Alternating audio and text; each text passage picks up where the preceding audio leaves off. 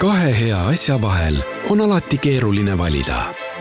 kas eelistada uusimat tehnoloogiat või elegantsemat välimust?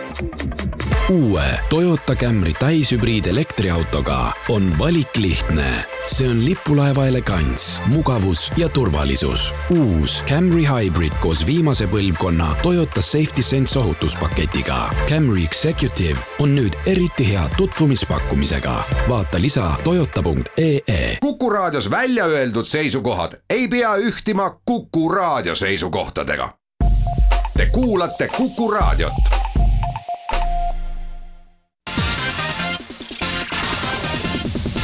nädala Tegija.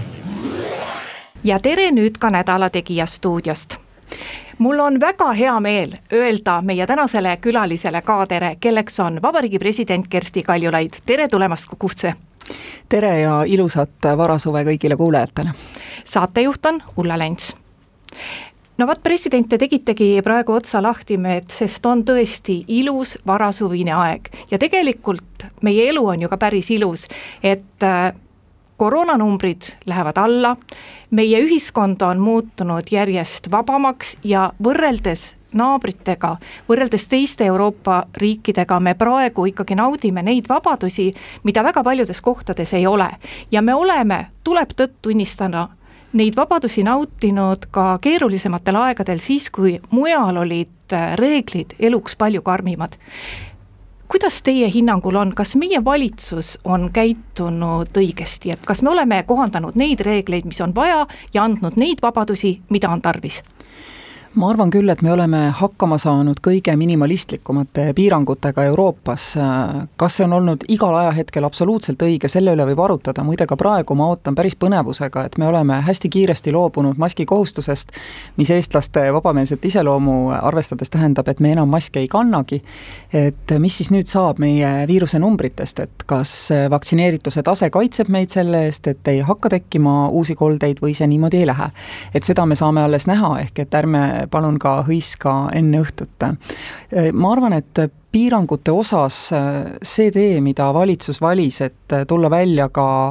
noh, valge raamatuga ja valgusfooriga, et, et inimesed saaksid ise vaadata, milline on olukord ja vastavalt sellele juba kohanduda. ma loodan, et kui me kunagi veel, ma loodan, et seda ei juhtu, aga me ei saa ju olla kindlad selle või mõne teise viiruse pärast,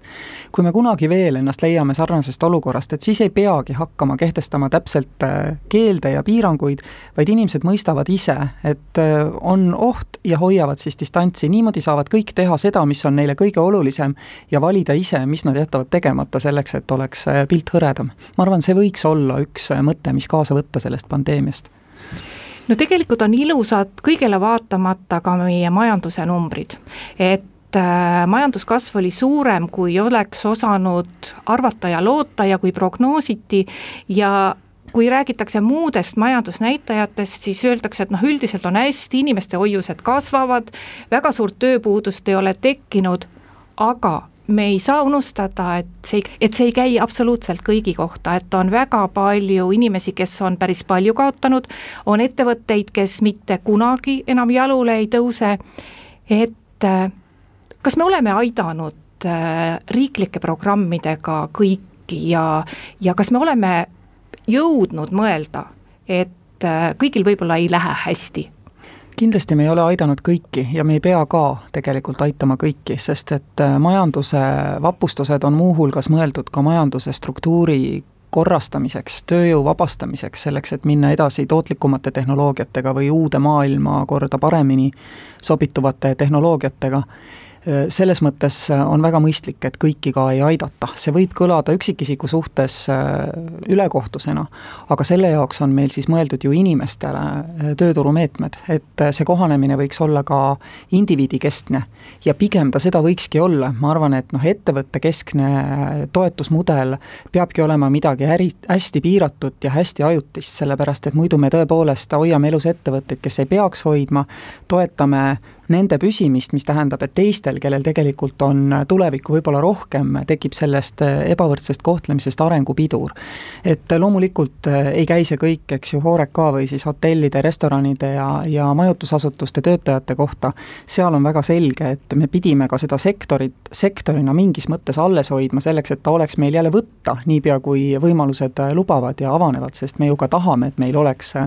oleks turismisektor olemas, me ka ise eestlastena tahame seda, selle sektori pakutavat tarbida muus osas jah, majanduse näitajad on head, aga me peame ka arvestama eelmise aasta madalat baasi ja mis on veel eriti paradoksaalne, on see, et, et kui nüüd majandusnäitajad on tõesti väga head, siis ütleme, nüüd peaks riik tegelikult omapoolse stiimuli tõmbama nagu tagasi. et headel aegadel ei ole vaja majandust üle kütta, vaid on mõistlik koguda varusid see tegelikult ikkagi ka odava raha tingimustes sellegipoolest on oluline meeles pidada. sellepärast, et äh, me ei tea, mis tulevik toob, me ei tea, kaua püsivad intressid väga madalad, me ei tea ka seda, kuidas mõjub ühele väikeriigile, väikesele avatud majandusele, kui tema võlakoorem järjest ja järjest tõuseb üsna kiiresti ja meid peaks tabama mõni järgmine kriis, mis taaskord viib meid näiteks äh, võlakoormuse kahekordistumisele. aga kui me mõtleme, et me siis hakkaksime võib-olla kahekordistuma seal tasemelt nelikümmend, viiskümmend protsenti SKT-st, mida see siis meile tähendaks? ehk et vastutustundlik siiski headel aegadel on meeles pidada, et, et riik ei tohiks majandust juurde stimuleerida nii et valitsus ei tee väga valesti, kui ta räägib praegu vajadusest järgnevatel aastatel püüelda eelarve tasakaalu suunas? me ei räägi ju tasakaalust, me räägime sellest äh, Euroopa riikide tüüpilisest olukorrast, et kui on majanduskasv kõva, siis me püüdleme tasakaalu poole ja kui ta on halb, siis loomulikult me ei ole tasakaalus, ehk et me oleme nüüd täpselt tavaline Euroopa riik, me võiksime öelda selle kohta. aga jah, seda suurt pilti tuleb äh, silmas pidada kahtlemata, eriti et äh, mingis mõttes ka meie enda sammud ikkagi siseturul, noh seda kohalikku inflatsiooni võivad veelgi kütta, eks ole, mis muidugi osaliselt tuleb sellest, et rahamass maailmas on, on kasvanud. ja ma arvan, ka see ei saa olla eesmärk. me oleme õppinud elama selles koroonakriisis ja me loodetavasti oleme selle ajaga õppinud ka uusi asju ja teinud uusi järeldusi. mis võiksid olla need äh, hädad, mida nüüd pöörata oma tugevuseks? Ma ei tea, kas see on häda, aga kõige olulisem täna on see, et me kasutaksime üle kogu Eesti meie kõikide piirkondade arenguks ära selle, et me oleme nüüd suutnud veenda nii töötajaid kui tööandjaid, et töökoht ei ole tingimata üldse seotud ühe geograafilise punktiga. väga paljud Eesti inimesed on olulise osa oma tegevusest viinud kodust kaugemale, see tendents oli juba enne olemas, sellepärast et me saime jõukamaks, me renoveerisime oma suvekodusid, seal olid olmetingimused paremad, inimesed veetsid nagunii rohkem kui ainult ühe puhkusekuu oma maakodus. aga nüüd tuli see ilmsiks ja noh, ütleme, et koroona pani ka tööandjatele selle surve, et nad oleksid paindlikumad, aga meil on ettevõtteid nagu näiteks Swedbank, kes on juba aastaid tegelikult noh, otsinud otsinud töötajaid ilma, et nad geograafilist tähist lisaks, seda rääkis mulle Robert Kitt juba mitu aastat tagasi, et nii saab töökohti väga hästi Tallinnast nagu välja viia. et, et sellega tuleks jätkata ja teiselt poolt peab kohalikel omavalitsustel olema nüüd suutlikkus siis nii-öelda olla, olla nende juurde tulnud inimeste teenusepakkujana nagu kohal. aga selleks, et see juhtuks, peame me ju vaatama, et kohalikul omavalitsusel oleks mitte ainult sellest, et need inimesed on seal rõõmu, vaid ka tulu. et ta meil täna ei saa näiteks koha peale tekkinud äh, käibemaksust kohalik omavalitsus üldse mitte midagi osa, eks ole, meil on inimesed, kes endiselt on sisse kirjutatud Tallinnasse, sest teenused tulevad meil siit ja, ja topelt sissekirjutust küll noh, võimaldatakse, aga maksu jaotumist meil ei, ei ole, eks ole, sellega ei kaasne. ja ka ei ole kohalikel omavalitsustel sõltumatut iseseisvat tulubaasi, mis minu meelest on tohutu puudujääk, et meil peaks olema palju suurem osa meie maksu tulu peaks tulema sealt ja see seob ilusti ära selle teema, millest me alustasime, et kas riik peab kokku hoidma, jah, riik saab keskaparaadis kokku hoida, kui ta annab kohalikele omavalitsustele otse selgema tulubaasi ja vabamad volitused äh, teha ise oma inimestele sellist Eestit, nagu nemad tahavad. me teeme siinkohal oma jutuajamisse väikese pausi ja läheme hetke pärast edasi. nädala Tegija nädala Tegija saade läheb edasi, stuudios on Vabariigi President Kersti Kaljulaid. Te olite nädala alguses töövisiidil, kus te muude kohtumiste hulgas kohtusite ka Maailma Terviseorganisatsiooni peadirektoriga. et noh, me teame, praegu küllaltki levinud on olukord, kus iga riik võitleb ise selleks, et koroona kriisiga hakkama saada. kuidas maailm paistab, et ega me väga palju ei teagi, et mis toimub nendes riikides, kes on vähem võimekad, kuhu ei jõua vaktsiin, et kuidas see üldine maailmapilt praegu paistab? no see paistab niimoodi, et WHO peadirektor ütleb, et Euroopa Liit on äh, broneerinud omale lepingutega üks koma kaheksa miljardit vaktsiinidoosi lähiajal, mil seda kindlasti Euroopas vaja ei ole. Ja me võime küll noh, Euroopa Liitu tundvate inimestena aru saada, et ilmselgelt ka riigid siis ise tõstavad selle nii-öelda tehtud investeeringu oma arenguabikuludesse ja küllap me neid vaktsiine jagame, aga Nende küsimus muidugi on, et kas seda ei saaks teha nagu kiiremini ja selgemini, et loomulikult on muul maailmal mure, nähes ütleme, arenenud riikides vaktsineerituse tasemeid, mis seal on pool rahvastikust, eks ole, juba, ja mujal jääb tihtipeale alla protsendi, siis neil see mure on, et teatud mõttes on tulnud appi muidugi asjaolu, et nüüd jõukamad riigid eelistavad mRNA vaktsiine ja teised täitsa head vaktsiinid, mis on vektorvaktsiinid, et need liiguvad siis rohkem, nad on ka odavamad, neid on lihtsam käsitleda teistesse maailmajagudesse, aga loomulikult on WHO kes esi-, esitab meile seda teise maailmapilti, on mõnevõrra pettunud sellest, et ikka eelkõige hapnikumask iseendale ja siis teistele, aga mingis mõttes on see ka inimlik ja hea on, et, et siiski jõuab ka teistele nüüd. on nad ka natuke enesekriitilised selle reageerimise suhtes? Ei, nad ei ole minu arvates, nad, mulle tundub, et WHO võib-olla ka ei taju, et, et tal noh, see, see roll, see, see globaalselt nii tähtis roll, eks ju, kus nad on ühel hetkel vaata et tähtsamad kui mõni, mõni G kakskümmend kohtumine tuli ju ka neile, neile ootamatult ja nad olid sama vähe selleks valmis et, et nad püüavad ikkagi olla ka hästi tänulikud kõikidele riikidele, kes on neid toetanud ja, ja aidanud ja ka mõistnud seda, et ka nemad ei olnud ju kõigeks, kõigeks valmis. Neil on hästi tugevad statistilised ja teaduslikud meeskonnad, noh kellega oli ka väga huvitav rääkida, et et see nende väärtus ju seisnebki selles, et noh, näiteks meie ei saa ju enda kohaselt teha mingeid järeldusi, üks miljon inimest on nii väike, nendele jookseb kogu maailma statistika kokku. nii haigestumusest, nii uutest variantidest, nii nii ka vaktsiinide mõjudest, eks ole, kuidas see pilt kõik paistab. et nad teevad tegelikult väga väärtuslikku tööd ja meist on aus seda ka tunnistada, mitte ainult olla kriitiline kui kriitilised me peaksime täna olema Euroopa Liidu toimimise suhtes, sest noh, ühelt poolt eh, tuleb ju tunnustada seda, et eh, Euroopa Liidu ühine vaktsiinihange oli kahtlemata vajalik ja, ja see oli ka hea meile, teisalt äh, iga riik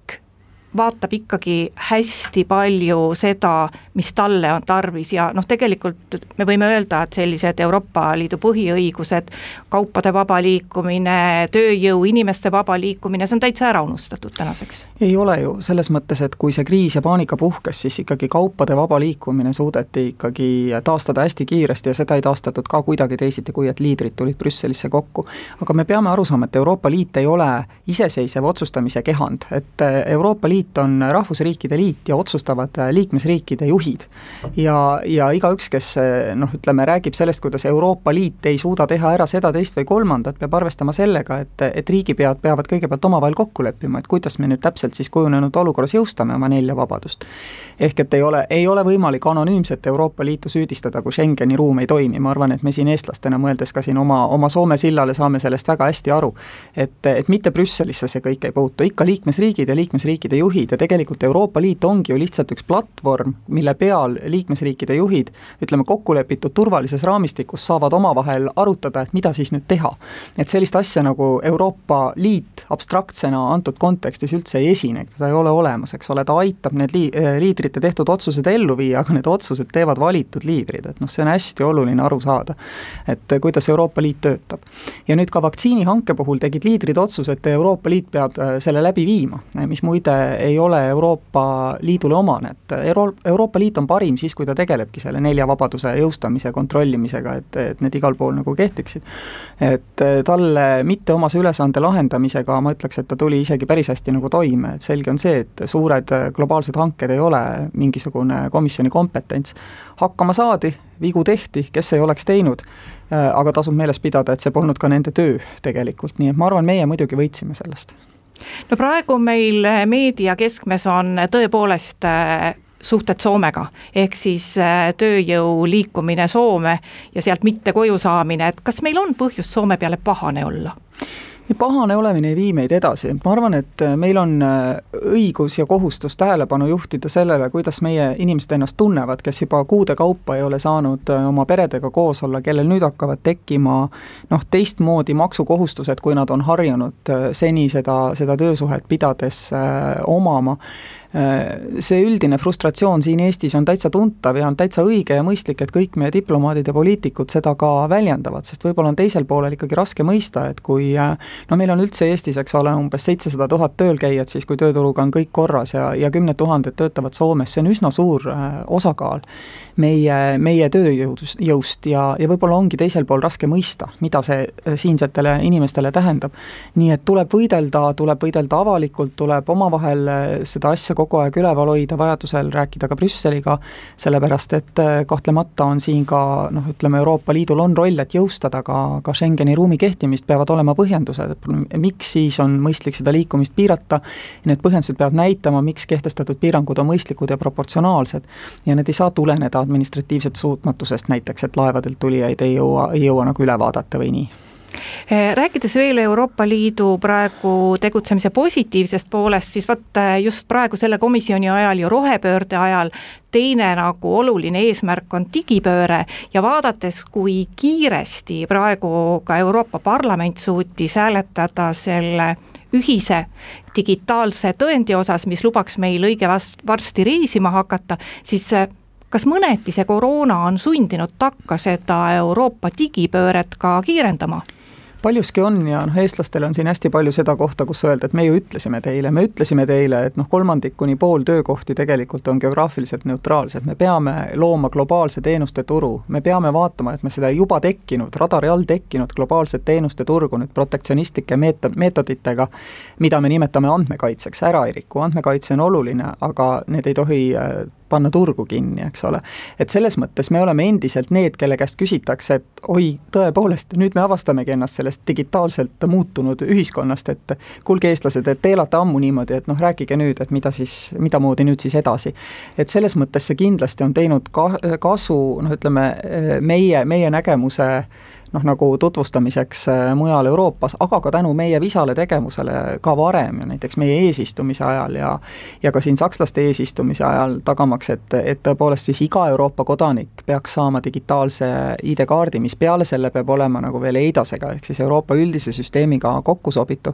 et, et see on miski, mida Eesti on katalüseerinud äh, aastaid, see on selge, see, me võime selle üle olla väga uhked äh, ja samal ajal oleme seda teinud sellepärast, et see on, kõik töötab meie majanduse enda eduks me teeme siinkohal oma jutuajamisse natuke pikema pausi. kuulame ära Kuku raadio lühiuudised ja läheme siis juba juttudega edasi. nädala Tegija nädala Tegija saade läheb edasi, stuudios on Vabariigi President Kersti Kaljulaid. no teie ametiaeg hakkab varsti lõppema, et kas teile tuleb ka üllatusena see, et et äh, meil ei ole praegu tõsist presidendi valimise kampaaniat lahti veel? no ma tegelikult äh, olen mures juba palju kaugemalt äh, ja olen seda ka palju väljendanud, et see presidendivalimiste korras haldusreformist tulenenud muutused valijameeste kogust tuleb üsna veidike rahvast juurde valijate hulka. Et see tegelikult vajas ikkagi, vajas kohendamist ja, ja selleni ei jõutud, et poliitilised kokkulepped jäid sõlmumata ja sellepärast äh, on see, on see, on see valimiskord noh, ilmselt äh, paljudele täna mureallikas. Äh, mis puudutab kandidaate, siis ega see, kui eelmine kord noh, ma ütleksin, et ei vaadatud ju ka, milline on see vali, valimiskord ja, ja mida ütleb põhiseadus, et keda tuleb üldse veenda et siis kujunes sellest selline tore äh, kampaania, justkui meil oleks otsevalimised, mida meil ei ole. millest ei oleks ka olnud iseenesest midagi halba, kui iga väitlus, mis, mis siis äh, kusagil ekraniseerus, oleks alanud ja lõppenud selle meeldetuletusega, et meil on väga tore, et me saame tutvuda nende inimestega lähemalt, aga samal ajal noh, me teame, kuidas Eestis on vali-, valimiskord et äh, praegu nagu ikka, pendel käib ühest äärest teise, nüüd me siis oleme teises ääres seekord. meil on olnud Eestile, võib vist öelda, head presidendid kõik taasiseseisvumise ajal, et äh, iga aeg on natuke eriline olnud. millist presidenti Eesti järgmisena vajab? Kui me seda ette teaksime, et äh, ka mina, asudes sellesse ametisse kaks tuhat kuusteist, äh, küll mõistsin, et minu kõige olulisem roll, mis tuleneb ka põhiseadusest, eks ole, on kaitsta põhiseaduslikku korda, aga tollel hetkel tundus kindlasti paljudele olulisem ja ma arvan, et ka, ka valijatele, minu valijatele olulisem see suutlikkus hoida Eesti kohta Äh, väljaspool, seista meie huvide eest ja, ja, ja olla oluline panustaja ka välispoliitikas, eks ole. osaleda noh, kas või Müncheni julgeolekukonverentsil, suuta seal äh, võtta, võtta ka sarnast rolli nagu president Ilves enne, eks ole. et, et seda võib-olla nagu hinnati palju rohkem tollel hetkel võrreldes sellega, selle põhiseaduse kaitsmise vajadusega. asjaolud lihtsalt kujunesid selliseks, et tuli väga palju rohkem äh, võtta seda rolli ja teha seda tööd. Ja ma ei saa üldse öelda, et, et et mulle see oleks väga meeldinud, aga teist varianti ju ei ole, see on sinu töö ja sa pead selle, selle ära tegema. iga president peab äh, kohanema äh, ümbritsevate oludega ja tegema seda, mis on Eestile parim ja minu meelest on ülimalt oluline, et vabariigi president oleks alati vaba tegema seda, mis on tema ja teiste inimestega aruteludest noh, sündinud mõtete tulemusena ka kindlasti Eestile parim, et, et, et see on väga tähtis tegelikult. kui äh suureks probleemiks võib tulevasele presidendile saada see, kui ta on väga tugevalt oma erakonnaga seotud? ma ei tahaks üldse sinna minna, sest noh, presidendi töö jagunebki nagu, üks on see põhiseaduse kaitse ja seda me ei tea, mis, mis ees ootab, millised raskused ees ootavad, teine on Eesti kaitsmine, äh, osaledes aktiivselt välis- ja julgeolekupoliitikas, seal on oluline noh, mõningane keeleoskus, aga ka julgus, et seal on tegelikult äh, väikese riigi äh, noh, juhid ei saa oma kohta selles, selles rahvusvahelises ühiskonnas äh, mitte ametikoha järgi. esimene kord saad küll jutule kohe, aga teinekord saad ainult siis, kui esimene kord oli midagi huvitavat ka öelda, midagi, mida taheti kuulata, midagi, mis tekitas huvi edasi väidelda, noh, see on hästi oluline. ja teine pool selles töös ongi hästi oluline suhe Eesti rahvaga see, eh, millised teemad eh, on presidendi hinnangul pudelikaelaks Eesti arengule, et noh, minu jaoks on need pikka aega olnud see tegelemine ühiskonna nõrgematega, see mõistmine ja tunnistamine, et heaoluriik ei ole kõrge tulutase inimese kohta, vaid seda heaolu peab eh, suutma ka pöörata noh, ühiskonnas niimoodi, et kõik inimesed, kes muidu võiksid jääda noh, edasitormavate edukamate kaaskodanike jalge alla, et ka nemad tunneksid, et nad on toetatud ja aidatud siin ühiskonnas, et see on hästi oluline. Eesti ja, ja siis selle kahe poole sidustamine, et minu jaoks on olnud hästi huvitav väljakutse, ma nägin, et see on probleem, meie kohaliku poliitika tegijad on hästi nõrgalt seotud tegelikult riigipoliitikatega, et arutelud välispoliitikast, kaitsepoliitikast, Eesti kohast maailmas. Äh, selle, see on olnud äh, üks hästi oluline osa minu tööst, äh, nii volikogudes kui ka koolides õpilastega, noh igal pool, eks ole, kui inimesed küsivad, et seda on palju tahetud teada ja sellest on palju saanud rääkida, nii et selline, selline sidemehe roll, kui ma tohin öelda, on minu meelest Eesti presidendi roll. ja igaüks saab seda ise sisustada, kujundada, nii nagu igaüks saab ka pärast oma mandaadi lõppemist sisustada seda tulevikku tänavu täitub Eesti taasiseseisvumisest kolmkümmend aastat. me oleme tegelikult need kolmkümmend aastat hästi ära kasutanud. me oleme oma riigi üles ehitanud, meil on tugevad liitlassuhted, me oleme kaitstud ja, ja me oleme ikkagi ka väga edukas e-riik mis need meie uued väljakutsed võiksid olla? esiteks mitte ajada nina püsti ja mõis-, mõelda, et see kõik on tehtud ja see ei saa enam halvemaks minna. ma võin öelda, et omab päris suurt mõju meie partnerlussuhetele see, kui näiteks Eesti suursaadikud ei tohi alla kirjutada vähemuste õigusi kaitsvaid deklaratsioone. ja, ja ka selle ajastu oma välispoliitikas oleme me üle elanud. nii et tegelikult ei ole miski, ei ole kunagi valmis äh,, alati võivad asjad minna väga kiiresti viltu ja meie ülesanne ongi kogu aeg hoida pilk seal eemal silmapiiril, et me näeksime, mis need et mis need riskid on, mille tulemusena me võime olla oma partneritele ja liitlastele noh, vähem olulised. et noh, lihtsalt üks näide ka mujalt Euroopast, et me ei tea, kas see nii on, aga ma kahtlustan, et teatud mõju sellel kindlasti on, et kui nüüd tšehhidel tekkis siin probleem, eks ju, venelaste korraldatud plahvatusega jäi reaktsioon üsna nõrgaks. aga kui me mõtleme, et vaid päev enne seda oli, oli, oli Tšehhi peaminister nimetanud ühte Euroopa institutsiooni mafioosseks struktuuriks, eks ole, noh ilmselgelt need suhted ei ole nagu väga head nende partnerite ja liitlastega et, et siis see on lihtsalt üks näide sellest, kuidas noh, võib ju küsida, et et kas me peame alati teistele meele järele olema, aga see ei ole, asi ei ole mitte meele järele olemises, Euroopas ei huvita mitte kedagi see, kas eestlased on neile meele järele või, või ei ole, nad, neil ei ole mitte midagi selle vastu, kui me tõepoolest siis noh, ütleme selgelt, et meie teeme asju täitsa teisiti, me ei tee neid asju, eks ole, aga siis lihtsalt meiega ka ei arvestata, meid ei kutsuta laudade taha, meid ei kutsuta arutama tulevikuvisioone, meid ei kutsutagi enam liituma erinevate deklaratsioonidega, eks ole, ja nii edasi. ehk et sa võid ennast suhteliselt kergelt niimoodi ise mängida oma partnerite ja liitlastele noh, vähem oluliseks, sest kuigi ma möönan, et võib-olla külma sõja ajal ja vahetult pärast, pärast Nõukogude Liidu lagunemist oli Euroopa poliitikas rohkem ka teistes riikides neid poliitikuid, kes noh, lähtusid nendest samadest väärtustest, et maailm on olnud ebaõiglane, nüüd saab maailm olla õiglasem, me teeme kõik selleks, et ta saaks olla õiglasem. et noh, täna, kui me vaatame kas või seda, et noh, näiteks Kosovo ei ole saanud oma viisavabadust, kuigi on kõik kriteeriumid täitnud, Bulgaaria, Rumeenia ei ole saanud Schengenisse, kuigi on kriteeriumid, eks ole, täitnud, et siis võib-olla seda sellist äh, väärtusbaasilist õigluse, õigluse kujundamise ja õiglase ühiskonna ehitamise poliitikat on ka Lääne-Euroopas vähem, kui oli kolmkümmend aastat tagasi. aga ta siiski on ja meie ülesanne on ju sinnapoole püüelda, sest see on ainukene, mis tegelikult meid kaitseb, hoiab ja meie turvalisust tagab no kõik see kolmkümmend aastat äh, enamus poliitilisi jõude on Eestis olnud seda meelt, et me vajame ühte ühtset eestikeelset kooli, aga et noh, see paratamatus on see, mis sunnib meid seda venekeelset haridussüsteemi ikka veel alles hoidma. Kas praegu on tunne, et see, see jääbki nii, sest see kolmkümmend aastat on ikka piisavalt pikk aeg, et kui me oleksime tahtnud päriselt viia kogu hariduse meie emakeelele, siis me oleksime saanud seda teha? ei, loomulikult, kui öelda, et see on paratamatus, siis see on poliitilise eestvedamise puudumine tegelikult, mitte paratamatus, täpselt samamoodi nagu rohepöördega venitamine on poliitilise juhtimise vastutuse võtmise eesmärgi seadmise nagu puudulikkus, et eestvedamist on vaja, mitte, mitte mingi, mingi paratamatus see ei ole.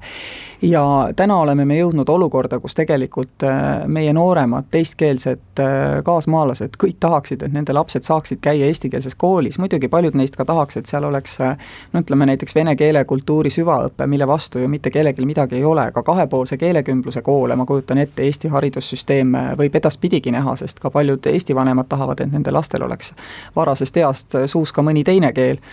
et, et see kõik meie haridussüsteemi ju ilusasti mahub, aga poliitiline eestvedamine on see, mis, mis viib otsuseni. Ja sellepärast on hästi tähtis ka öelda välja, et see eesmärk meil on, see täitub nagunii. sest et tegelikult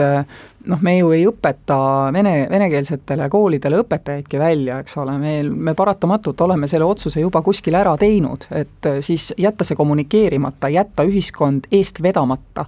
vaat see on halb ja, ja, ja ma tahaksin väga, et, et see lõpeks, ma täna näen, kuidas minister tegelikult väga pingutab selles suunas, noh, tulenevalt poliitilisest realiteedist ei ole tal olnud võimalik välja öelda, et jah, see on minu väga selge eesmärk ega ka panna paika kuupäevi, aga liikumine sinnapoole kindlasti toimub ja mis on veel inetum, on see, kui siis äh, mõned poliitikud äh, nii-öelda säilitades seda segregatsiooni meie koolisüsteemis püüavad väita, et nad teevad oma valijatele head. ei tee, nad teevad oma valijatele halba, see on küüniline ja see on vale. me teeme ühe pausi oma jutuajamisse veel ja hetke pärast jätkame. nädala Tegija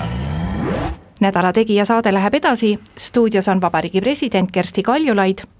no üldiselt Eesti igasugustes rahvusvahelistes edetabelites, kui vaadata korruptsiooninäitajat, ei ole korruptiivne riik. samas me teame, et äh,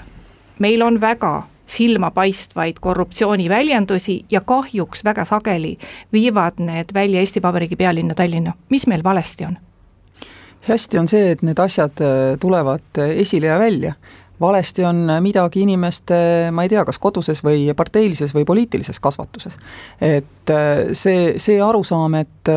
et poliitikat tuleb alati ajada läbipaistvalt ja ausalt seda arusaama järelikult lihtsalt ei ole, mis ja kus on läinud valesti, on keeruline öelda, et tegelikult ju korruptsiooni saab vältida kahel moel. et äh, meil on poliitikud, kes mõistavad, et pikas perspektiivis teeb see meie riigile, tema majandus- ja ärikeskkonnale hirmsal moel kahju. ükski põhjalikult korrumpeerunud riik ei saa olla majandusarengus edukas sellepärast lihtsalt, et ausad ettevõtjad ei, ei julge siia tulla, sest nad ei tea, kas nad saavad ikka võrdset kohtlemist, eks ole.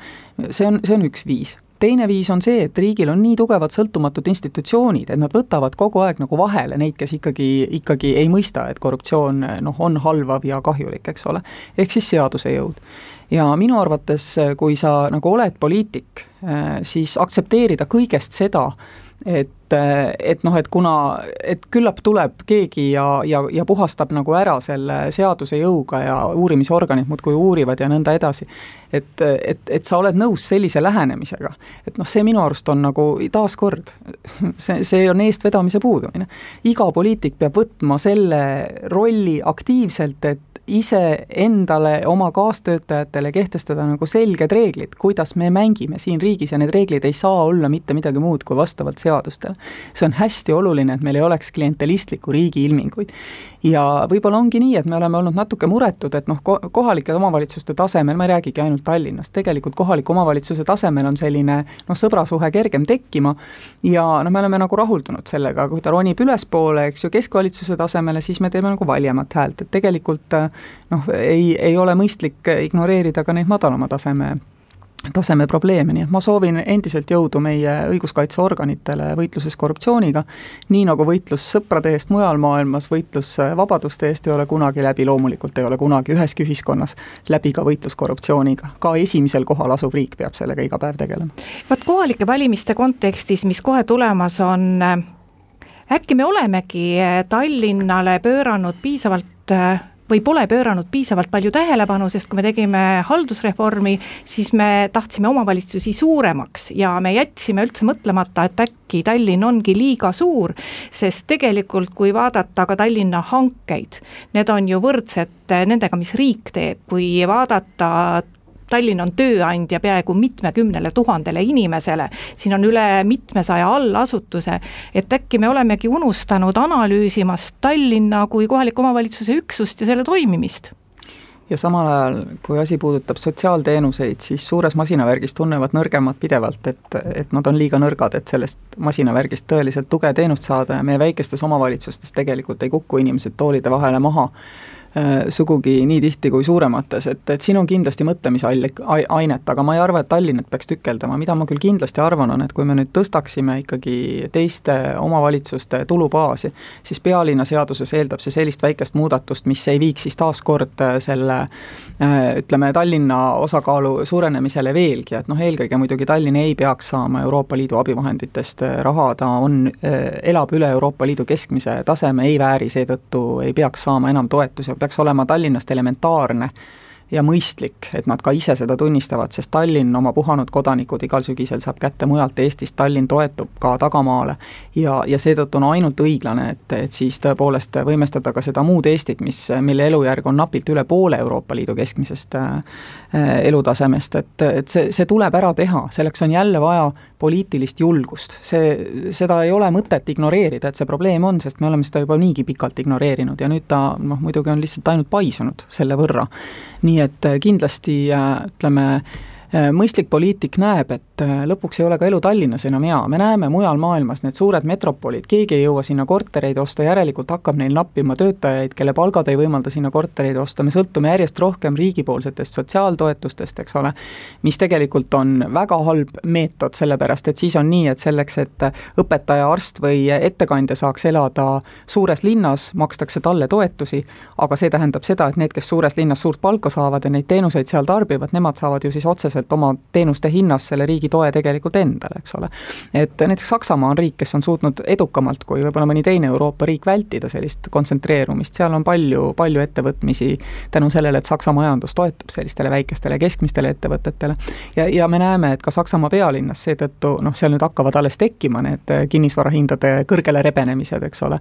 aga, aga see ei ole kindlasti võrreldav näiteks Londoni eh, probleemide või Pariisi probleemidega. nii et regionaalne ühtlane areng tegelikult tegelikult tuleb pikas perspektiivis kasuks ka tallinlastele, sest see vähendab Tallinna konkurentsivõimet ja hoiab Tallinnas ka näiteks kinnisvarahinnad mõistlikumad, et ärme seda kunagi unusta.